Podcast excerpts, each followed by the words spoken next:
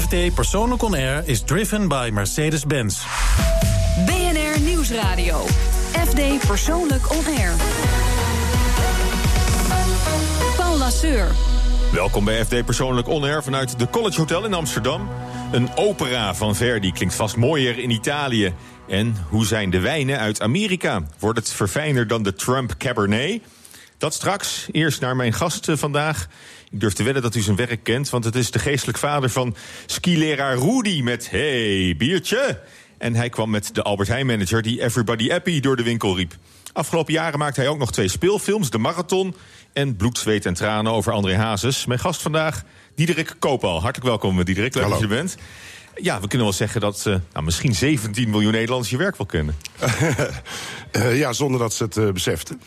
Zonder dat ze het beseften? Nou ja, ik heb natuurlijk veel reclames gemaakt. En daar weten mensen nooit de makers van. Maar gelukkig niet, maar wel de opdrachtgevers. Dus ik denk wel dat veel mensen al iets wel gezien hebben van me. Ja, gelukkig niet? Had je niet wat, liever wat meer credits gehad voor Nee, voor nee helemaal niet. Nee, maar ik ben zelf niet... Het hoeft niet... ik, ik denk als veel mensen op de voorgrond zouden willen treden, hadden ze het wel gedaan. Ik vind het prettig om dingen te bedenken. En ik hoef daar niet, uh, laat maar zeggen, zozeer uh, voor in de schijnwerpers te staan. Ja, maar het is toch leuk als je een paar van die, van, oh, die, van die, pareltjes uh, ja, ja, ja, dan is al het goed. Dat is eer van je werk. Dus dat is, uh, dat eer van je werk, maar ja. goed, die heb je, heb je toch wel gekregen. Hè? Ja, met, ja, ja, ja, ja, De, de reclame voor Rolo, hè, dat snoepje en de olifant. Ja, onder andere. De gouden lookie aller tijden. Ook. Laat even een stukje horen. En ik goed wat je met je laatste Rolo doet. Ja, zelfs uh, zonder het beeld is het een, ja. een, een, prachtig verhaaltje. Voor wie het niet meer helemaal uh, voor de geest heeft. Vertel eens, hoe, hoe loopt dat, dat reclamespotje? van, de, van de Rolo? Ja. Nou ja, ik bedoel, het thema was bedenk goed wat je met je laatste Rolo doet. Dus daar ga je dan allemaal dingen op bedenken. Althans, dat moet je eerst het thema bedenken. En uiteindelijk kwamen er een aantal filmpjes uit. En een daarvan was gebaseerd op het geheugen van een olifant. En... En we bedachten eigenlijk het filmpje dat het, uh, ja, op het moment dat je een olifantje pest, hè, door iets hem niet te geven, dan zal hij dat altijd onthouden. En uiteindelijk krijg je krijg je dit terug. De wraak van de olifant. En uh, zijn geheugen is uh, zo sterk. Dus daar gaat het filmpje eigenlijk over. Ja. En, en, als je het zo vertelt, dat klinkt eigenlijk, eigenlijk dood eenvoudig. Ja, ja, het is altijd is het dood eenvoudig. Als het goed is, is het, heel, is het echt heel eenvoudig. Ja. En dat komt ook zo bij, bij jou binnenvallen? Nee hoor, nee, dat komt nooit zomaar. Daar doe je heel lang over. En, ja, daar ga je echt heel hard over, ja. over knarsen? Ja, ja, daar ga je echt heel lang over nadenken. Omdat het niet zo is dat je een filmpje bedenkt... en dan heb je ineens een, een, een slogan... en dan gaan we ineens een leuk filmpje bedenken. Je bedenkt helemaal van, nou, wat zou de communicatiestrategie moeten zijn. En, He, gadver. Ja, dan kom je allemaal dingen, maar die hebben toch nodig om uiteindelijk te komen naar iets heel simpels. En dat, uh, dat is wel belangrijk. Dus in dit geval, ik kan me nog herinneren, in de, in de, in de Rolo was een, een, een, een, een chocoladereep die eigenlijk bij de bonbons lag. Het liep helemaal niet. En toen, ja, door een hele simpele uh, gedachte van, nou leg die reep nou niet eens bij de bonbons, maar gewoon in het, uh, in het naast, de, naast, de, naast de reep en naast ja. de mars en de snickers. Ja. Dan wordt het ineens een reep die een voordeel heeft. Dus namelijk dat die deelbaar is. En dat waren geen reep. Dus ze hebben echt een discriminant gevonden waarmee je kan adverteren. Vandaar dat we daarop zijn gaan zitten. Oh, maar bemoei jij je dan ook met de plek in het schap van de, van de chocola? Nou, nee, maar je kan wel op een gegeven moment erover na gaan denken... als je met elkaar toch bezig bent, van, dat je je vraagt van waarom ligt hij daar? En waarom moet hij niet ergens anders liggen? Dus. Ja, maar jij bent dan van het, van het sportje, maar in, in essentie ben je dan een verhalenverteller. Je, ja. vertelt, je vertelt gewoon een, een, een mini-verhaaltje. Ja, dat is in, vaak... Wat is het, een uh, 40 seconden of zo, hè? Deze is 35 seconden, ja. ja, ja. Nou, we hebben, er, we hebben er nog eentje voor je.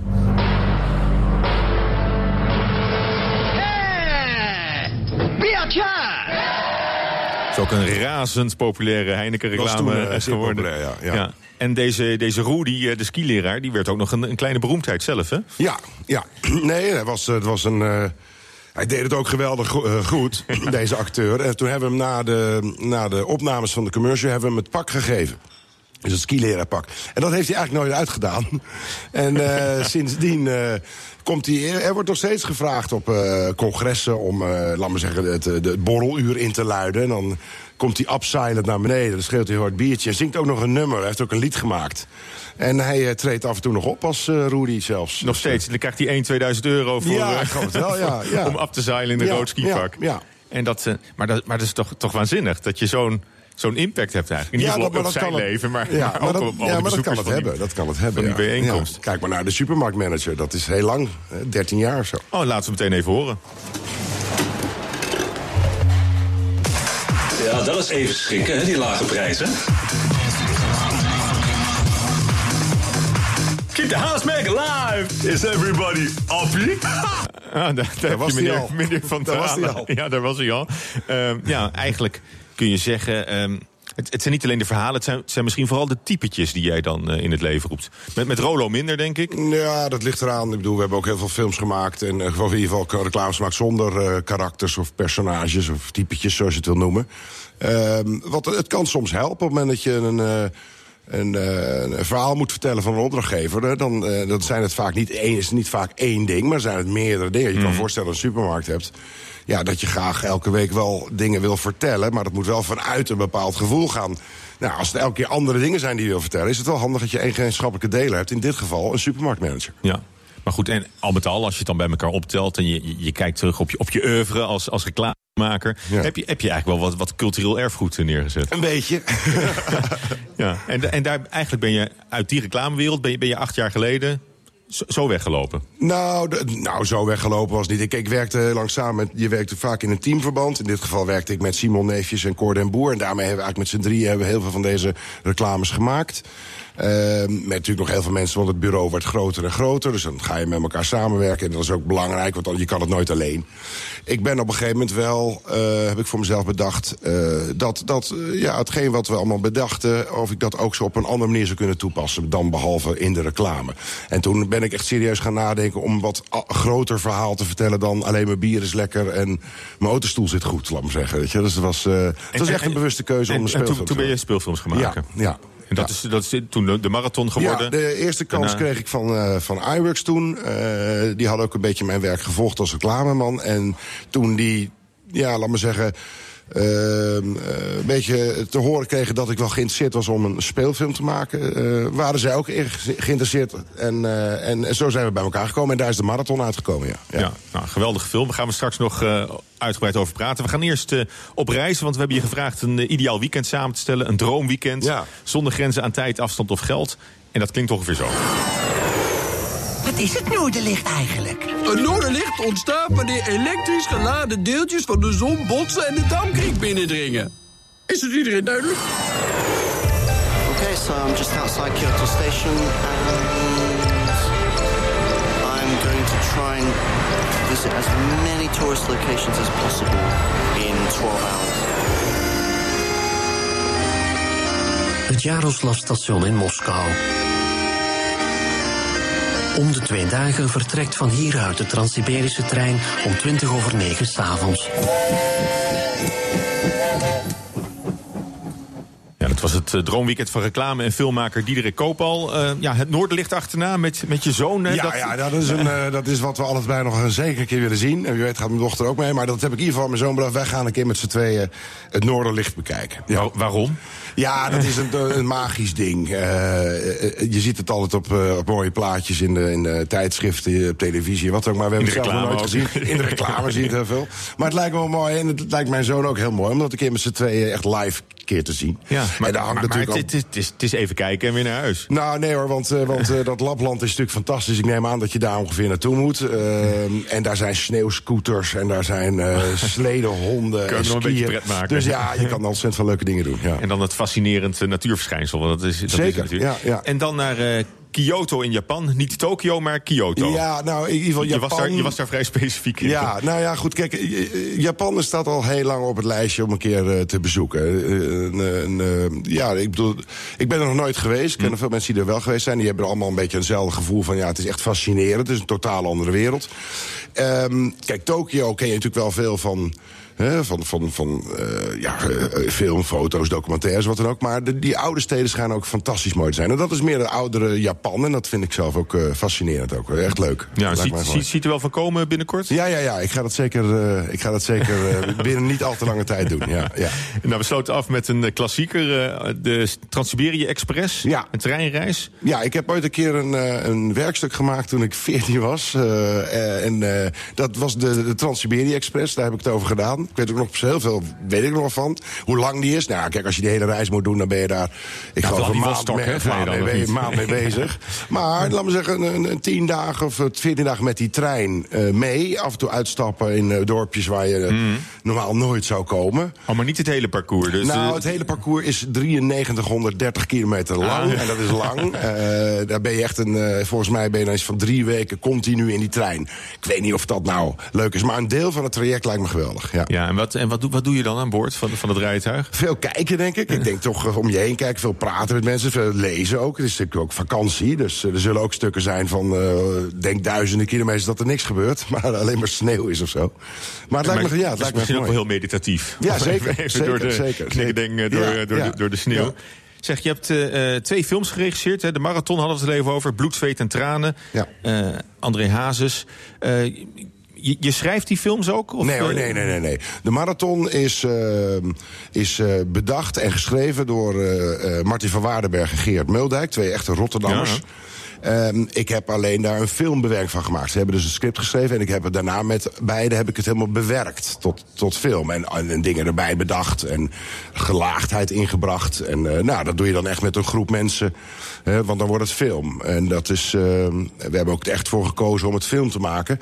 En niet een, eh, een, eh, een toneelstuk in een garage bijvoorbeeld, weet je Ja. wel? En, en Bloed, zweet en tranen? Ja, ook niet. Dat is geschreven door Frank Ketelaar. Trouwens, je, je zegt toneelstuk, maar er is nu een toneelstuk. Ja, er komt een musical. Ja. Musical. Ja. Daar, daar ben je ook bij betrokken? Nee, daar ben ik niet bij betrokken. Ik ga er wel naartoe, naar de opening. Maar, eh, Je bent uitgenodigd waarschijnlijk. Ja, ja, ja. Maar eh, eh, nee, ik ben er niet bij betrokken. Maar ik vind het wel hartstikke leuk dat ze het doen. Ja, ja echt... eh, Nou, straks eh, praat ik verder met Diederik Koopal en panelist Kuno van het Hof. Die komt vertellen wat zijn tong deze week prikkelt. BNR Nieuwsradio. FD Persoonlijk On Air. Film- en reclamemaker Diederik Koopal is vandaag het hele uur mijn gast. En zojuist heb ik ook eh, Kuno van het Hof aan tafel eh, genodigd. Met, eh, met wijn. Dat is altijd eh, een prettig begin van het, eh, van het weekend. Elke week vertelt een deskundige wat het oog streelt, het hart raakt of de tong prikkelt. Deze week dus eh, Kuno van het Hof, wijn- en culinair journalist. Vorige week hadden we het nog over wijn uit Nederland, uit Ja. de kas. Ja. Echt eh, verrassend eh, goede wijn eh, Ja, van, van eigen bodem. Maar ook in Amerika wordt, eh, wordt wijn verbouwd.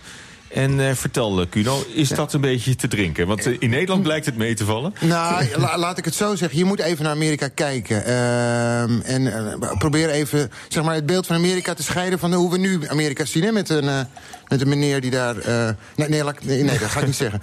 Eh, de wijnen ehm, zoals ze in Amerika werden gemaakt, eh, waren eigenlijk wel een beetje Trump-wijnen. Eh, dik, eh, zwaar, vettig, romig. Ehm, na drie glazen, hoog op alcohol. En na drie glazen was je eigenlijk wel een beetje klaar.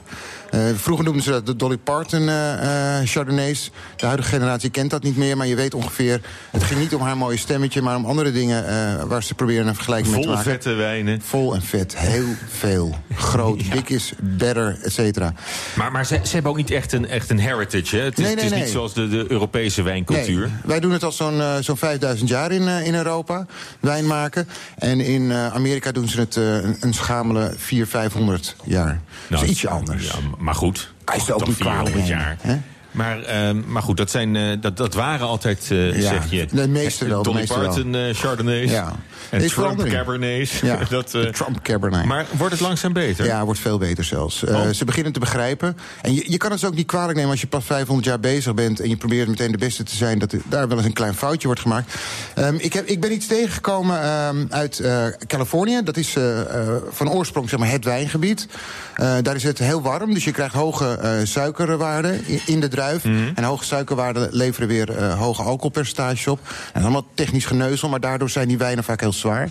Ik ben ooit tegengekomen eh, van een wijnboer... Een kleine, een relatief kleine wijnboer.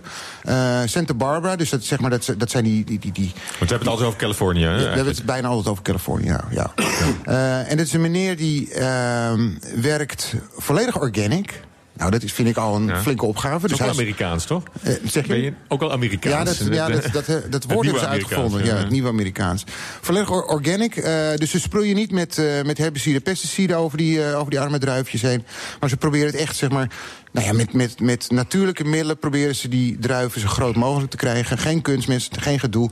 En die meneer die heeft um, heel slim gebruik gemaakt van de zogenaamde terroirwerking. En terroir, dat betekent eigenlijk het verschil tussen het ene landgoedje, het ene wijngaardje en het andere wijngaardje. En dat heeft weer betrekking op Um, hoe het weer daar is, microklimaatjes. Dus het kan een beetje meer waaien in de ene uh, gebiedje. En, en, de aarde, de grond. En de grond, de ja. bodemsamenstelling. Klei, uh, leisteen, grind, et cetera, et cetera. En die meneer die heeft een x-aantal wijnen gemaakt. Nou, ik viel wederom stijl achterover. Maar, maar Cuno, dat is dan heel subtiel. Dat moet dan wel voor de export zijn. Want je moet ook de Amerikanen nog opvoeden... om, om, nou, om ja, goede wijn lekker te gaan vinden. Afgezien van het feit dat ik hem, uh, dat ik hem als hij slim is... dat hij zelf het grootste deel op, opzuipt... gaat een heel groot deel wel naar de, naar de export. Omdat wij in Europa dit soort, dit soort smaken begrijpen. Hoge complexiteit, hele spannende wijnen eigenlijk. Heel lichtvoetig. Hij werkt ook in dit geval... Ik heb een, ik heb een Chardonnay meegenomen... Daarvan zou je verwachten dat hij, dat hij heel dik en, en, en, en rondborstig is. Maar hij blijkt dus heel erg mineralig te zijn. Oké, okay, nou, we, gaan, zeggen, we, ja, we gaan het proberen. Proeven. En we krijgen dus geen Dolly Parton Chardonnay. Mm -hmm. Geen zin zelfs. Ja, dit is, dit is heel fijn. Wijn heet, heet mm. Sandy. is sinds een, ik denk sinds een jaar in Nederland ook verkrijgbaar. Bij het bedrijf Sea Wines. Um, dit komt van een heel klein... Heel klein uh, heuveltje waar die, die, die, uh, die uh, Chardonnay-druifjes laat opgroeien. En alleen die wijn gaat in deze fles. En je proeft die, die, die lichtvoetigheid, die verfijning. Um, het is natuurlijk Chardonnay, dus het is altijd wat dikker dan, dan andere witte varianten. Ah, ik vind het briljant spul. Ja. Nou heeft, uh, uh, ik geloof dat Francis Ford Coppola heeft ook een groot wijngaard, hè, of niet? Nou, zijn naam staat of, erop. Zijn naam staat erop. Ja, ja, maar ja, in, in Napa Valley, de filmregisseurs... Dat, het, ja. ja, die is lekker wijn. Het is een goede. Maar dat, dit is dus, die Francis Ford Coppola vind ik dus echt het het stijlkenmerk van, uh, van Amerikaanse, van Amerikaanse wijn. Ja, ja, het is heel vol inderdaad ja. en groot. Maar dit heeft dat ook wel toch nog wel een beetje. Chardonnay. Ja. En het is, maar het wel eiken, hè? Het heeft wel eiken ja, zeker. Ja. Moet je ook wel doen daar, hoor. Om ja, anders uh, verkoopt het niet. Nee, dan wil de, de wereld wil dat niet. Zoals wel grappig is, dat ik vind de Chardonnays ontzettend lekker. Ook als ze juist geen eiken hebben gehad. Ja, ja, de, wat hier in de... Maar dan ben je heel erg afhankelijk van de kwaliteit van die druif. Je kan met hout kun je vaak een beetje verdoezelen. Ja, ja, nee, klopt, ja. Maar het is toch wel interessant. Met, uh, is Amerika een nieuw wijnland? Moet je het zo noemen? Nou, of niet? Als, als ze op deze voet verder gaan, met die, zoals, zoals die meneer dit uh, doet met die, uh, met die Sandy-wijnen... zou ik zeker denken dat dit, als ze niet weer gekke dingen gaan uithalen... dat hier een, een hele grote muur omheen gebouwd moet worden. En we daar hele mooie wijnen gaan, gaan produceren. Maar jouw werk wordt er ook niet overzichtelijker op dan, Cuno. Want dan heb je, ja, je, je, hebt natuurlijk Frankrijk en, en Italië en ja, Spanje. Ja. dat, toch de traditionele wijnlanden. Ja. En er komt dan ineens bij Amerika. Je had, Zuid-Amerika natuurlijk al. Ja. Je hebt uh, Nederland zelfs Ja. sinds vorige week China. met die, met die kaswijn China. Vergeet China niet, ja. ja. En, maar Australië. Nieuw-Zeeland, Zuid-Afrika. Ja, maar wat je, wat je ziet is, wa- waardoor komt dit? Doordat, nou ja, toch ook wel, A, omdat we eh, beter leren hoe we kwaliteit moeten maken... maar ook to- toch wel door die, die, die verschuiving in temperatuur eh, op aarde. Dus het wordt wat warmer hier in, eh, in West-Europa... maar het wordt dus ook warmer in andere eh, delen Oh, van, dat is, zeg maar, van dit zijn de pluspunten van global warming die, we nu, die we nu meemaken. Ja, ja, ja. Maar ehm, en als je, als je nu zou, zou moeten zeggen, is er een bepaald gebied wat jouw voorkeur heeft? Nou, ik, ik blijf altijd wel een beetje naar eh, Californië kijken. Californië, wordt- ja, voor Amerika dan. Ja, ja. En Oh, maar je- als je, als je wereldwijd zou moeten kiezen, heb je een. eh, Ja, ik... ik want want jij reist natuurlijk over naartoe om het te proberen. J- Ik- jij ziet ook door de bomen het bos niet meer inmiddels. Jawel, jawel. Goed overzicht. Ja, ik zeg, eh hou China heel goed in de gaten. China, Echt heel goed in de gaten. Die jongens die kunnen heel goed kopiëren, zoals we weten. Eh, en dat doen ze ook met de wijnen. Eh, ze hebben gigantisch veel geld uitgegeven...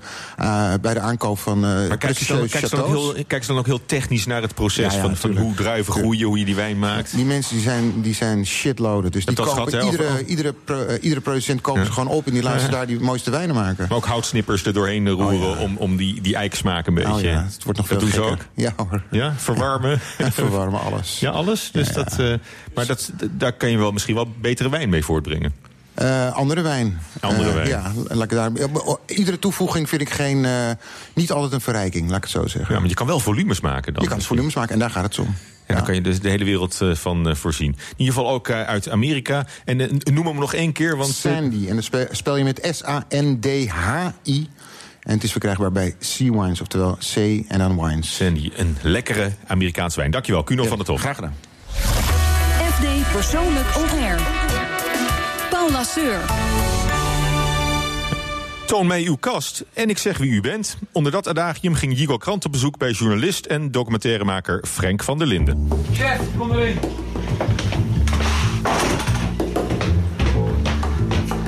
Frank van der Linden in zijn eigen habitat.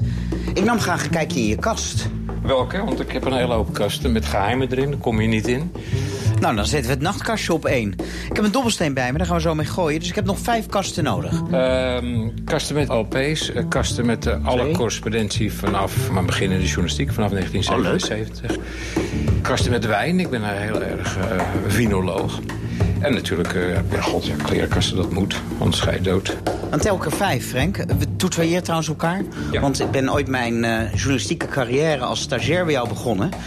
Ehm, wat zie ik daar nou staan? Dat zijn kuifjeauto's, alle kuifjeauto's uit de albums. En dat is een ramp. Die staan in een daartoe speciaal geëquipeerde kast. Laten we die op zes zetten. Oké. Ik geef je de dobbelsteen. Nou, zes man, dat is echt bij toeval eh, de kuifjekast. Ik zeg altijd eh kuifje c'est moi, de nobele reporter... die eh, avonturen beleeft en mensen redt. En het leukst van al, hij hoeft nooit te werken. Er is geen album van Kuifje waarin je hem een artikel ziet schrijven. Zullen we even voor gaan staan? Ja. Je had eh, op een gegeven moment een, eh, een folder die in de bus viel. En dan kon je voor 5 euro een echt kuifje autootje krijgen... zoals het in de albums eh, voorkwam. Heel mooi nagebouwd. Dus ik wilde dat wel hebben als kuifje-fan. Ik, ik wilde naar China vanaf mijn twaalfde... omdat ik ja, kuifje in China had gelezen en zo. Is Frank van der Linden journalist geworden vanwege Kuifje? Nou, er is een oorzakelijk verband. Hè? Dus Kuifje en All the President's Men. eh, Het Watergate-schandaal. Die uh, Nixon ten val bracht, ja. Anyway, er kwam zo'n folder en ik wilde dat autootje hebben. En drie weken later kwam er nog zo'n autootje met een bon erbij van 24,95. Hé, hey, raar. Nou ja, toch maar overgemaakt. En, en nog weer drie weken later weer zo'n bon met het derde autootje. En toen ben ik eens gaan bellen. Nou, ik had ingetekend op de hele serie. Alle auto's die in de albums van Kuifje eh, zitten... zouden worden bezorgd. A2495. Maar hoeveel zijn dat er dan? 75. 75 keer 24,95 euro. En toen dacht ik, nou, dan maak ik van, van deze fout ook maar gewoon iets heel moois. Dus dan ga ik kasten kopen waarin ik die autootjes, autootjes zet. En, en iedereen die hier binnenkomt, die vraagt, al- ja, vraagt onmiddellijk, wat is dat? Dus Ja. ik heb er heel veel lol van, van die 2000 euro... die ik hier per ongeluk aan uit heb gegeven. Ben je een verzamelaar? Nou, ik ben eh, een potentiële zelfmoordenaar. Kijk, eh, Patricia de Martelaar heeft daar een heel mooi essay over geschreven... dat perfectionisten op een dag waarschijnlijk de hand aan zichzelf slaan. Zij beschrijft dat als je alles onder controle wil hebben... alles perfect georganiseerd wil hebben... dat je natuurlijk op een dag merkt dat dat niet gaat. Dan nemen de frustraties toe. En met een beetje pech eh, ja, stap je eruit... want je krijgt niet voor elkaar wat je ten diepste wilt. Maar hoe relateer je dat aan deze verzameling miniatuurautootjes? Nou, als ik dan per ongeluk eens zo'n autootje koop... en het blijken er 75 te zijn... dan moeten ze er ook alle 75 komen. Zoals ik alles, idioot genoeg, ook vanaf mijn eerste stukje op de school voor de journalistiek heb verzameld. Inmiddels in 150 mappen. Ik hou een dagboek bij. En omdat je eenmaal aan bent begonnen, moet je daarmee doorgaan? Ik heb geen idee hoe dit werkt, hoe dat komt. Maar ik, eh, ik ben denk ik een hele bange man. Dat ik al, al die eh, dingen eh, zo goed mogelijk om me heen wil organiseren.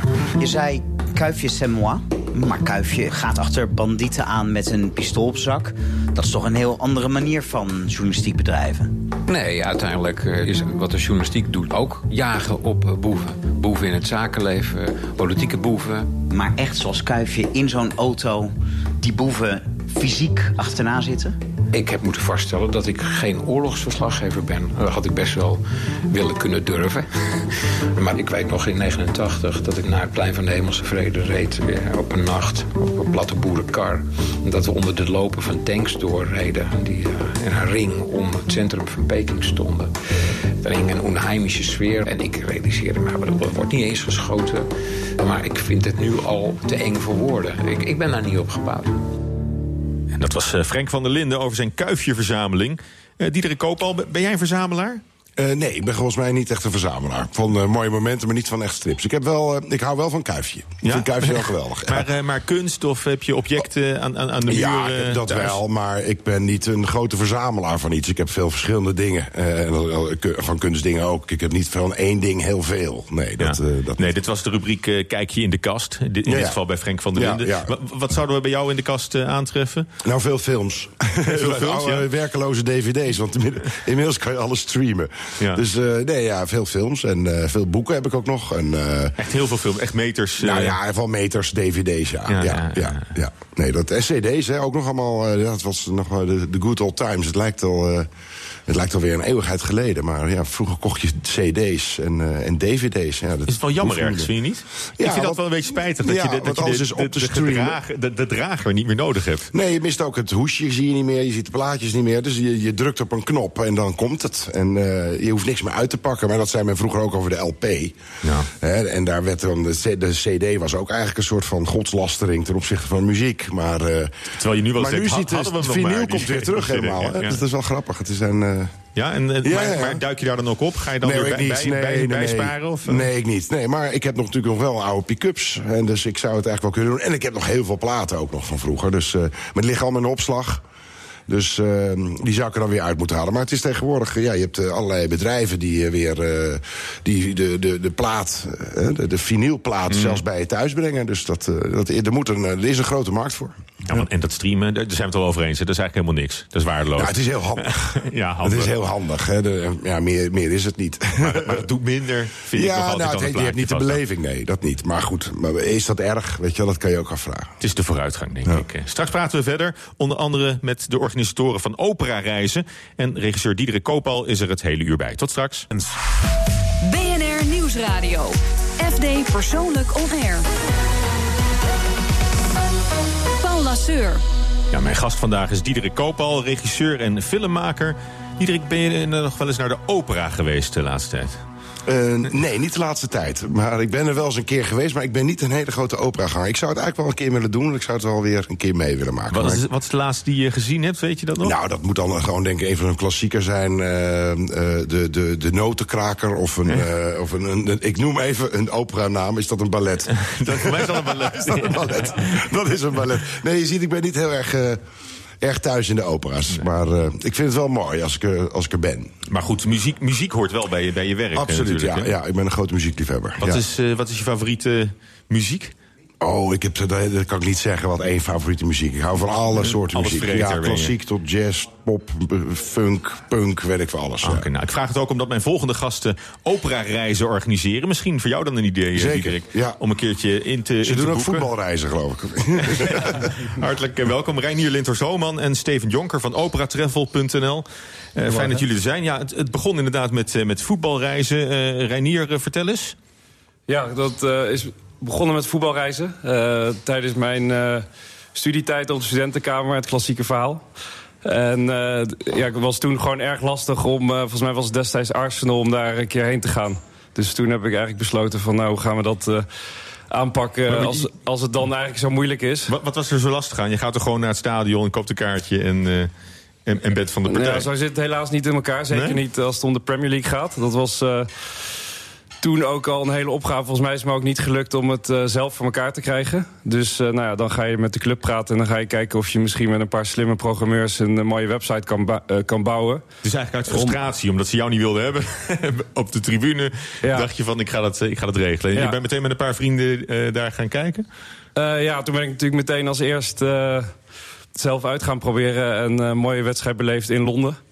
En eh, nou, die ervaring was wel eh, ja, dusdanig. eh, Welke pot groot. was dat, weet je het nog?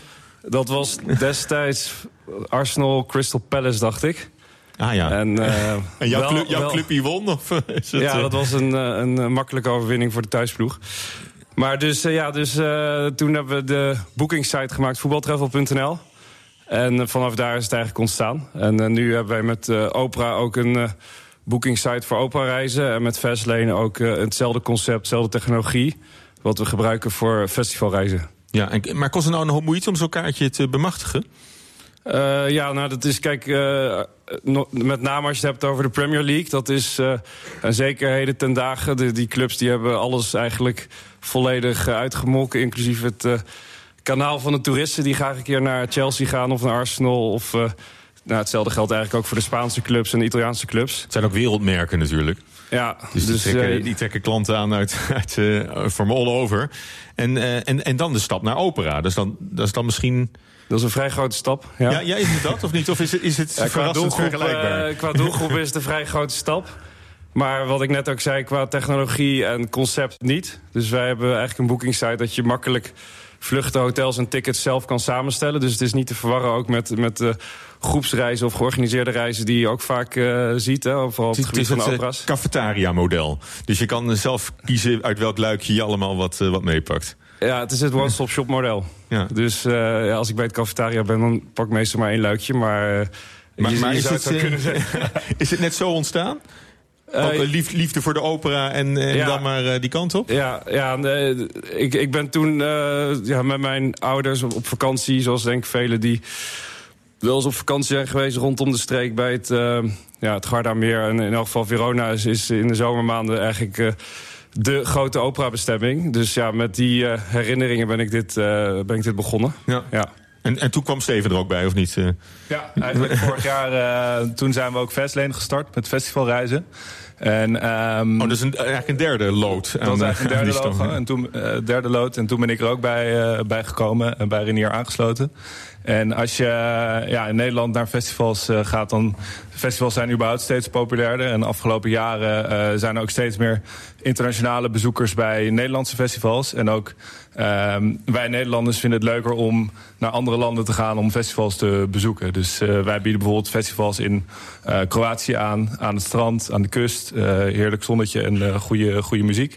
Maar ook nu festivals in Marokko of in, op een boot op de Middellandse Zee. Dus uh, ja, het is allemaal veel avontuurlijker geworden eigenlijk. Ja, maar de doelgroep voor festivals lijken mij toch de, de hipsters... die zelf al die kant op liften en, en een beetje ja, wel kijken waar ze, waar ze stranden. Ja, klopt. Zitten die wel te wachten op zo'n uh, op zo'n all-inclusive uh, festivalreisje? ja, nou, de doelgroep is eigenlijk ook steeds groter. Dus je hebt inderdaad meer de millennials die het uh, zeker voor een groot deel ook zelf regelen. maar er zijn ook heel veel festivalbezoekers die nu al in de 30, in de 40 zijn. En die nu toch wat meer te besteden hebben. En die graag wel in een hotel zitten. En op een wat luxere manier een festival meemaken. Jongens zoals Diederik en ik meer. Die dan, die dan nog als spijtentante. Die nog wel eens. dat festival in, in Amerika. Dat dat... Uh, Coachella? Ja, Burning, Burning Man. Burning Man, ja. Dat doen jullie ook, dat soort dingen. Dat, dat Nog niet. We zijn nu vooral uh, concentreren eerst op de Europese festivals. Maar uh, die willen we wel uh, graag ook gaan aanbieden in de toekomst. Ja, want ik heb toch een hoop mensen van mijn leeftijd die al daar naartoe zijn geweest. in ieder geval, dat zijn ook nu, het is nu helemaal in om daar naartoe ja. te gaan. En met zo georganiseerd, met campers en water mee. En ja. dan de woestijn in. Het, schijnt wel een, het is prachtig om te zien, moet ik zeggen. Het is heel gaaf Maar dat is wel dus, onze leeftijd. Maar dat, dat is wat jij ook wel, wel zou willen? Dat zou ik wel een keer willen zien, ja. Het is, dat lijkt me een geweldig festival, ja. Ja, maar goed, nog niet dus via, via jullie, maar dat, dat, sta, niet, dat staat maar... op, op, het, op het lijstje. Ja. Wat, is de, wat, is jullie beste, uh, wat is jullie beste product? Wel, welke opera, welk festival wordt het uh, meest bezocht? Ja, toch wel de, de voetbal uh, Barcelona. Ja, Barcelona is, is heel populair. Maar ook de Engelse wedstrijden, zoals Renier al vertelde. Daar, ja, het is gewoon geweldig om die sfeer mee te maken. Vooral ook als bijvoorbeeld uh, vader-zoon is het een mooi excuus om bij zo'n wedstrijd uh, te zijn en een mooi weekend van te maken. Oh ja, en, uh, ja, ja Diederik heeft, heeft een keer zo ja, gemaakt. Ik, ik ben met zo naar Barcelona geweest. Ja, ja, ja. ja precies. En, en vooral dan nog in Engeland, als je met z'n allen naar het stadion loopt. Ja. in zo'n, ja, eigenlijk midden in een, in een stad, in een wijk en al die supporters meekrijgen. Ja, maar het is, is hartstikke leuk man. Het is geweldig. Maar hoe, zorg, hoe, hoe kom je daar dan tussen als, als Nederlands bureautje? En dan ga je naar Barcelona. En volgens mij wordt dat helemaal bezet door de, door de socio's. En die zitten daar al generaties op, op de op dezelfde stoelen. Hoe kom je daar nou tussen met je, met je boerenkoolhoofd? Ja, wat, ja wat, wat, wat, wat, ik net zei is dat uh, de, de, clubs hebben eigenlijk een heel kanaal ontwikkeld. Voor, voor echt de, de, de travel trade, zoals we het noemen. Dus echt uh, een, een, kanaal wat ja, naast de supporters of de, de, de, de consumenten die gewoon lokaal naar het stadion willen. Dat uh, staat eigenlijk los van een heel kanaal wat er is ontwikkeld voor ook echt toeristen. Voor, voor de rijke toeristen die, die daar Ja, je ziet inderdaad wel dat ze vaak uh, ja, allemaal extra's bij doen. Zoals een, een, een buffet en een open bar en een uh, wedstrijdboekje en een mooie stoel. En daar zijn ze vooral in Engeland heel goed in. En dan zijn Mm. het eh, zogenaamde hospitality eh, packages. Ja. En dat is eigenlijk inderdaad het kanaal waar wij in zitten. En wij hebben dus partnerships met de clubs. Maar, dat, maar dat is dus helemaal ge- geprofessionaliseerd ook. Ja, ja. Ja. Dus dat weten, dat weten jullie wel goed, eh, goed te vinden. Ja. Je, je hebt, niet- je hebt niet dat ene mannetje op de hoek eh, van, van de kathedraal die daar. eh, Nee, we werken alleen maar met, echt direct met de clubs. We willen ook ja, juist alleen maar direct met de clubs en ook met de opera's werken. En ja, Renier is natuurlijk ook de voetbalreizen al een tijd begonnen. Dus het kost ook wel wat tijd voordat je ja, direct met, met Chelsea en Liverpool kan gaan werken. Ja, ik laat even heel klein een stukje horen van de trailer van Aida.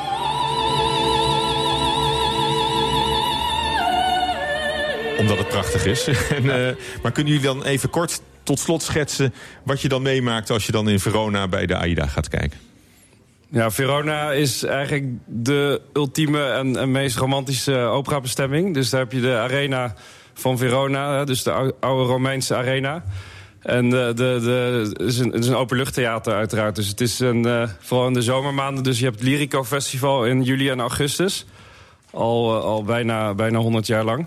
En eh, nou, dus dit, je hoorde net de AIDA, dus dat is natuurlijk een van de klassiekers van Verdi. En Verona is ook de streek van Verdi. Dus eigenlijk als je naar Verona gaat, dan zou je misschien wel AIDA moeten kiezen of, eh, of Nabucco bijvoorbeeld. Maar dat is, eh, dat is gewoon een enorme beleving. Vooral met... Zou ook thuiskomen eigenlijk. Ja, voor voor, voor ja. die opera, maar ook voor de, voor de bezoekers. En het volgende is marathonreizen, tennisreizen. Ja, is het zeker. onbeperkt of niet? Eigenlijk wel, ja. Dus eh, er is heel veel eh, om aan te bieden. En, eh, maar ja, ehm, bij opera heb je die, als je geluk hebt, heb je die olifanten die, die ook nog op, de, op het theater komen. Dus ja, het is een mooie, mooie sfeer. Een mooi spektakel, dat sowieso. Spektakel. Ha- Hartelijk dank voor jullie komst en, en uitleg. Steven en Reinier van operatravel.nl. Dankjewel. Dankjewel. Ja, Diederik, eh, we hadden je vooraf gevraagd om een, om een liedje te kiezen dat we voor je kunnen draaien. dat gaan we nu ook doen. Je, je houdt van muziek, zei je al. Je hebt toch een eh, nummer kunnen, kunnen kiezen. Het is een nummer waar je al jaren naar hebt eh, gezocht. Ja. wat is het? Ja, dat is wel een leuk verhaal. Nou, het, is een, een, het was een, een, een Braziliaans nummer. En ik hoorde het een keer in, een, in de auto. En ik wist niet van wie het was. Ik hoorde, ik hoorde alleen de muziek en ik vond het een ontzettend leuk nummer. En toen, maar ik kon nergens meer vinden wat het... want er was nog niet dat je op, op die computer kon kijken... welke playlisten we hadden, dat soort dingen. Dus ik heb gewoon echt jarenlang in platenzaken en dingen... proberen te zingen wat Be- ik bedoelde. voorgeneuried Maar zo. niemand begreep het. Totdat ik inderdaad eh, een keer dat aan iemand eh, insprak in de telefoon. Die zei, ik heb een Braziliaanse werkster, die is nu thuis. dus die hebben toen gebeld en dan heb ik het gezongen. Althans, wat ik me nog kon herinneren Ja, en verdomd, ze wist wie het was. En toen had ik het na Je, mag- 15 je, mag hem, je mag hem zelf aankondigen. Ja, het is een eh, nummer van eh, Erasmo Carlos en het heet eh Cachaca Mechanica. En het eh, gaat een liedje over hoe hij zich voelt na het carnaval. Vendeu seu terno, seu relógio e sua alma. E até o santo ele vendeu com muita fé. Comprou fiado pra fazer sua mortalha. Tomou um gole de cachaça e deu no pé. João bebeu toda a cachaça da cidade. Bateu com força em todo bumbo que ele via. Gastou seu bolso, mas sambou desesperado.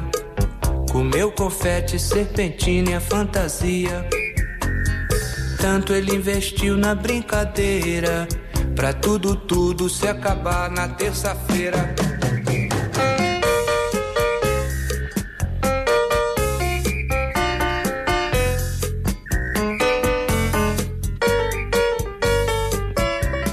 U hoorde Erasmo Cardenas met eh, Cachaca Mechanica.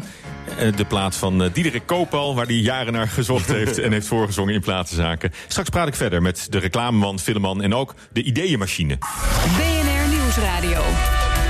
FD Persoonlijk On Air. Regisseur Diederik Koopal is vandaag eh, mijn gast. En ja, eigenlijk de vraag, had je, had je niet al een droombaan als, als reclamemaker? Oh ja, ja zeker. Nee, dat was geweldig. Maar, eh, nee, maar het is ook wel eens goed om, eh, om eens kijken of je nog iets eh, anders kan doen met hetgeen wat je kan. Dus dat heb ik gedaan. En ik vind film altijd, heb ik altijd geweldig gevonden. Dus heel leuk gevonden. Dus ik dacht, nou, laat ik dat nou eens gaan doen. Ja, maar je had al een aantal gouden lookies op je naam. Je was, was heel succesvol.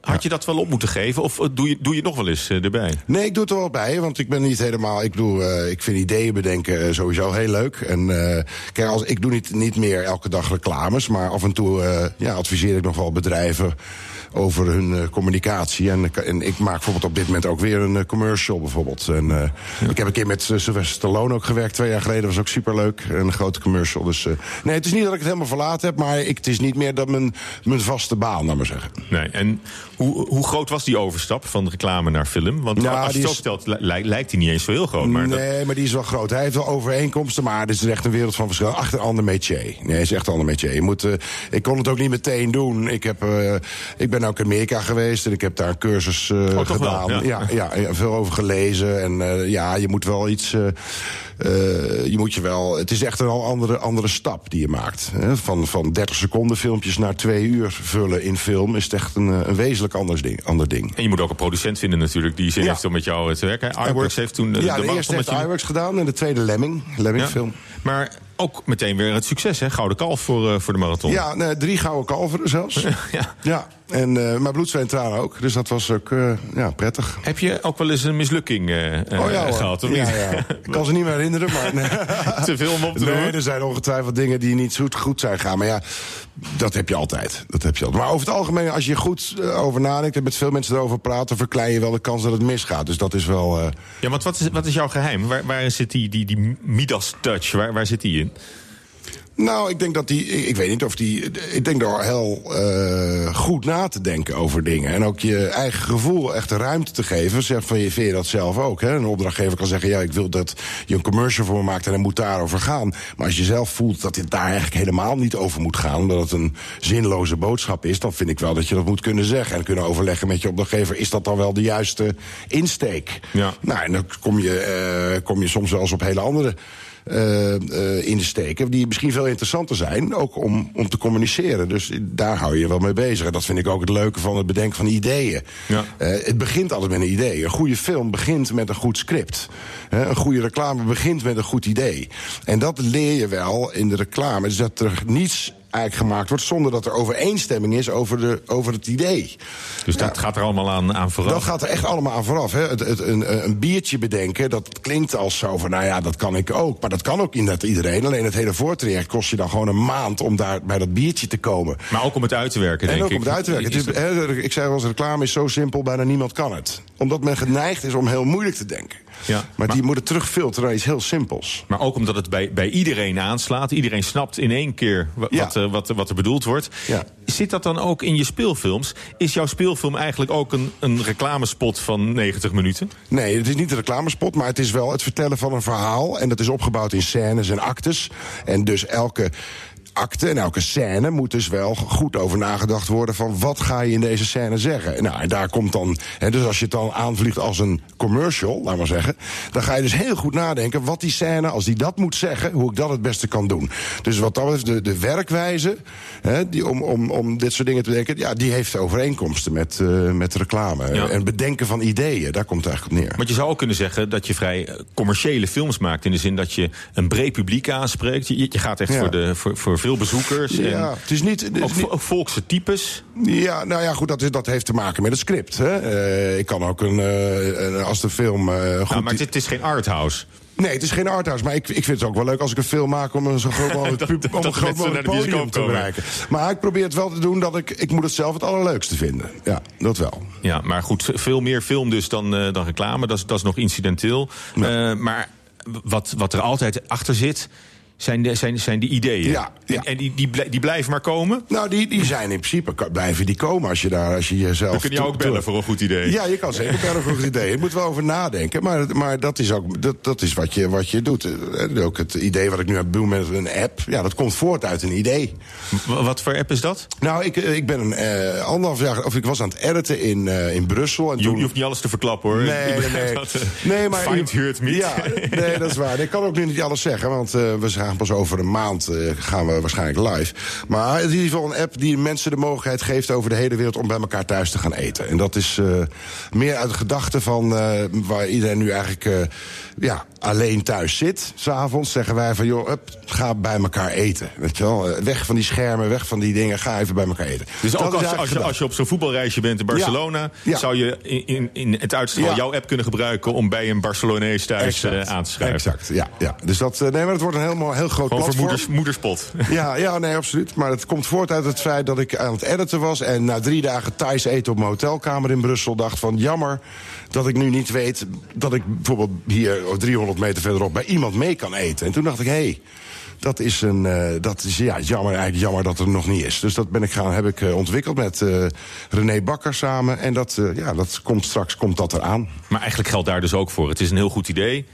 Misschien kan iedereen het wel bedenken, want het, het, is, het, is, ook, het is niet een briljante vondst. Nee, nee maar, maar, het, het maar is, dat is wel de, de, eenvoud is misschien de... Ja. Je hebt het idee, en dat is, dat is één ding. En, maar daarna komt het het doen. Dus het idee, je moet het ook nog doen. En er zijn heel veel mensen met ideeën, maar er zijn niet zoveel mensen die het ook gaan doen. En welk idee wordt een product of een film of een, of een commercial uiteindelijk? Nou, Want als je, hoe, hoe kies je uit, uit die, echt die douche van ideeën? Ja, dat, dat, daar komt inderdaad een, eh, er komen heel veel ideeën naar boven. Maar op een gegeven moment voel je ook wel en weet je wel van ja, dit klopt daarbij. Dit klopt bij hè, hetgeen waarvoor je het moet doen. En dat, dat is een gevoel. Op een gegeven moment, ik zeg wel, dan zie je het. En zo werkt het ook een beetje. Je, eh, je krijgt heel veel ideeën. Je weet op een gegeven moment, ja, dit is goed. En dat dan, ja, vaak klopt het ook wel. Ja. En als we even heel ver teruggaan in de tijd, hè? Je bent ooit begonnen aan een rechtenstudie. Ja. Hebben we het wel eens over gehad? Ja, Ik, ja. ik heb ook rechten gestudeerd in, in, in Groningen, net als ja, jij. Ja, ja. Dat, Nou, dat is hem niet geworden, hè? Dat is hem niet geworden. Nee, ik had toen, ik had toen een vrij lange eh, middelbare schoolloopbaan. Van MAVO, HAVO, Atheneum. Dus ik kon gaan studeren. En de ouders waren ook zeer blij. Maar toen ik uiteindelijk in Groningen eh, rechten ging studeren... wist ik al vrij snel dat rechten niet iets voor mij was. Nee, dat... eh, dat Je zat met- drie broers tegelijk volgens mij in Groningen, ja, ja, ja, de Daltons noemden ze ons. Ik had nog, we zaten met de vier kopalletjes, drie broers nog van mij... zaten we daar eh, in Groningen op hetzelfde moment. Ja. Gezellig van het studentenleven te, te Ja, genieten, ja, neem ik heel leuk, ja. Maar goed, dat heb, je, dat heb je dan twee jaar volgehouden. Eh, Ja. Het, het is dan niet de, de deftige wereld van de advocatuur geworden. Nee, maar, nee. De, maar de misschien wat platvloegerse wereld van, de- van de reclame. Ja, ik, ik, ik, ik kende het ook helemaal niet. Er was geen, eh, ik had niet zoveel informatie daarover. Maar ik wist wel op een gegeven moment wat ik wilde worden. En dat is het bedenken van dit soort ideeën. Ik heb toen een LOE-cursus gevolgd. En daarmee werd ik eigenlijk meer laten we zeggen, geïntroduceerd in die wereld. Maar uiteindelijk is reclame een vak wat gewoon geleerd wordt in het bureau zelf. Ja, dus ja. het is echt een praktijkopleiding. En het duurt gewoon vier, vijf jaar voordat je een beetje begrijpt hoe het, hoe het werkt. Het is echt een Maar dan- gildensysteem. Maar, maar, maar toen is die trein wel gaan, gaan rijden, ja, kun je, ja, kun je ik bleek zeggen. daar gewoon wel gevoel voor, eh, gevoel Ja. voor te hebben. Dus maar dat, hoe eh, ontdek je, hoe boor je dat talent bij jezelf aan? Nou, door te proberen. Je moet ergens proberen. Dus eh, ja, het bedenken van ideeën, dat heeft wel te maken van waar ga je over denken. Dus je moet wel een onderwerp hebben. Maar op het moment dat je, ja, je kan eens proberen. Nou, ik zeg wel eens tegen mensen, ben ik opleid, wat een goede oefening is, als je een verjaardagscadeau koopt voor iemand, probeer maar eens iets te kopen waar diegene echt heel erg blij mee is. Dus dat gaat dan helemaal niet om geld, maar dat is ontzettend moeilijk. Mensen kopen een verjaarscadeau, gewoon een cadeautje, ik moet wat hebben. Maar als je erover na gaat denken, ga ik echt iemand een plezier doen... dan zie je hoe moeilijk het is om, iets, om een idee te bedenken voor iemand anders. Nou, dat is een beetje vergelijkbaar met wat ik doe.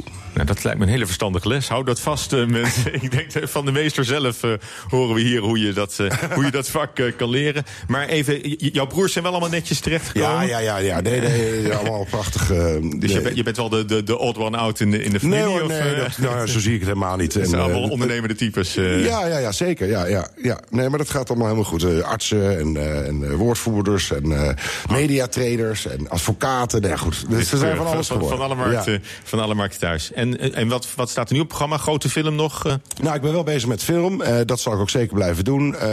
Ik ben ook bezig met, op dit moment, ja, met laat maar zeggen, communicatieadvies voor een paar bedrijven. Dat is hartstikke leuk. Doe een commercial dit moment. En de app komt er straks aan, Meals Unite. Dus dat eh, is zo. Niels Unite. Nou, we kijken er allemaal naar uit. Voordat we afronden gaan we ook kijken bij een ander gezin dat zijn dromen nastreeft. Ze kochten een kasteel in het Limburgse Nieuwstad. Maar nu de carrière-dromen naar eh, Brabant wijzen, verlaat het gezin het kasteel.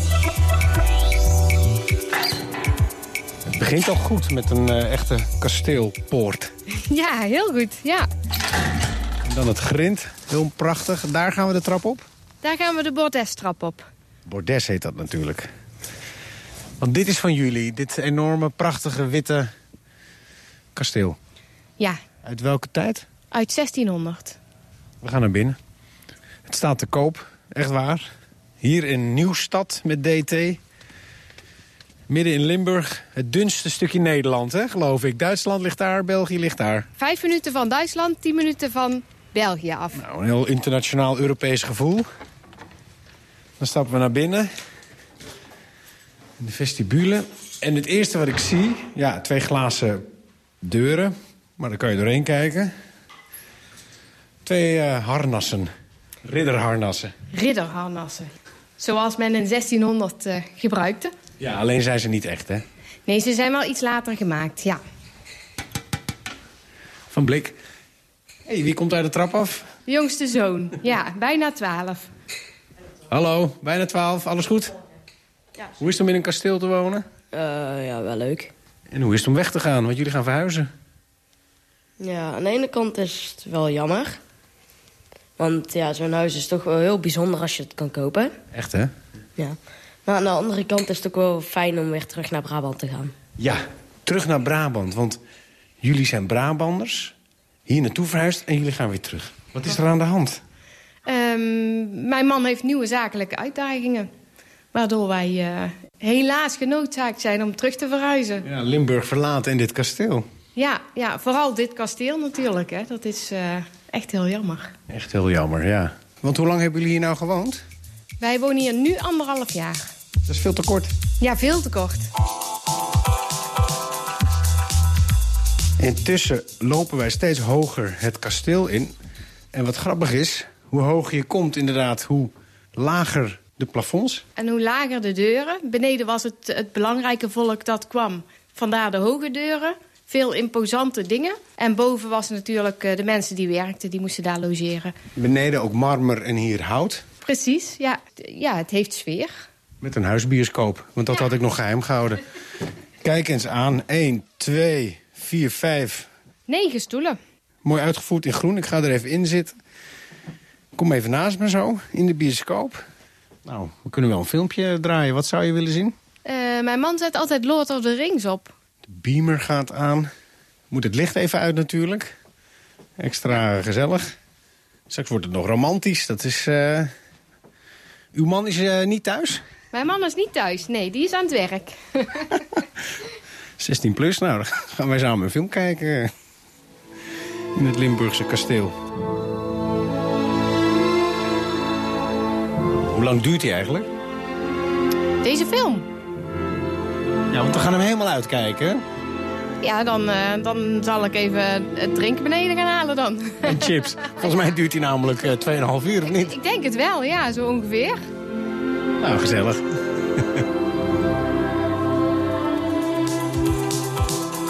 Een bijdrage van Harmen van der Veen vanuit het kasteel van de familie Daris. Uh, Diederik, is het iets voor jou, zo'n kasteel met een eigen bioscoop? Ja, schitterend. Ja? Kom maar op.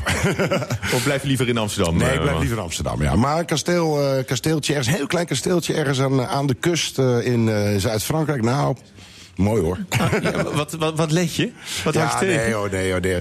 nee, dat is onbetaalbaar volgens mij. Die, eh, die plekken zijn helemaal niet, niet meer te vinden. Dat, eh, dat moet je echt gewoon huren. Ja. Oké, maar goed, eh, de, de komende jaren denk ik dat, eh, dat, dat jouw kinderen volwassen worden. Dat betekent een, eh, Die zijn al ook, bijna volwassen. ook een ander leven misschien. Ja, ga, oh ga, ja, je- ga je dan nee. weer dingen nee, plannen? Ik ga zeker, ik ga ook veel reizen. Daarom dacht ik ook van die, die tripjes die, die gepland staan, die ga ik ook zeker doen. Ik Opera, zeker- voetbalreisjes. Dat, ja, ja, dat, nou, ik weet niet, ja, voetbal vooral wel. Heb ik een keer gedaan. Opera ben ik zelf niet een hele grote fan van. Maar ik zou het wel een keer willen zien. Zeker Verona. En, maar de rest ga ik zeker doen, ja. Oké, dit weekend nog plannen? Bijzondere Eh, dingen? Nou, ik heb niet echt bijzondere plannen. Ik geloof eh, 400.000 man naar de windsport gaan. Dus het wordt lekker rustig in de stad. Vind ik ook fijn. Ja. Hartelijk dank dat je mijn gast was. Diederik Koval, dankjewel. Oké. En dit was FD Persoonlijk On Air vanuit de College Hotel in Amsterdam. Als u items wilt terugluisteren, kan dat via de podcast. Die vindt u op bnr.nl, Spotify en op iTunes. Tot volgende week. Fijn weekend. FD Persoonlijk On Air is driven by Mercedes-Benz.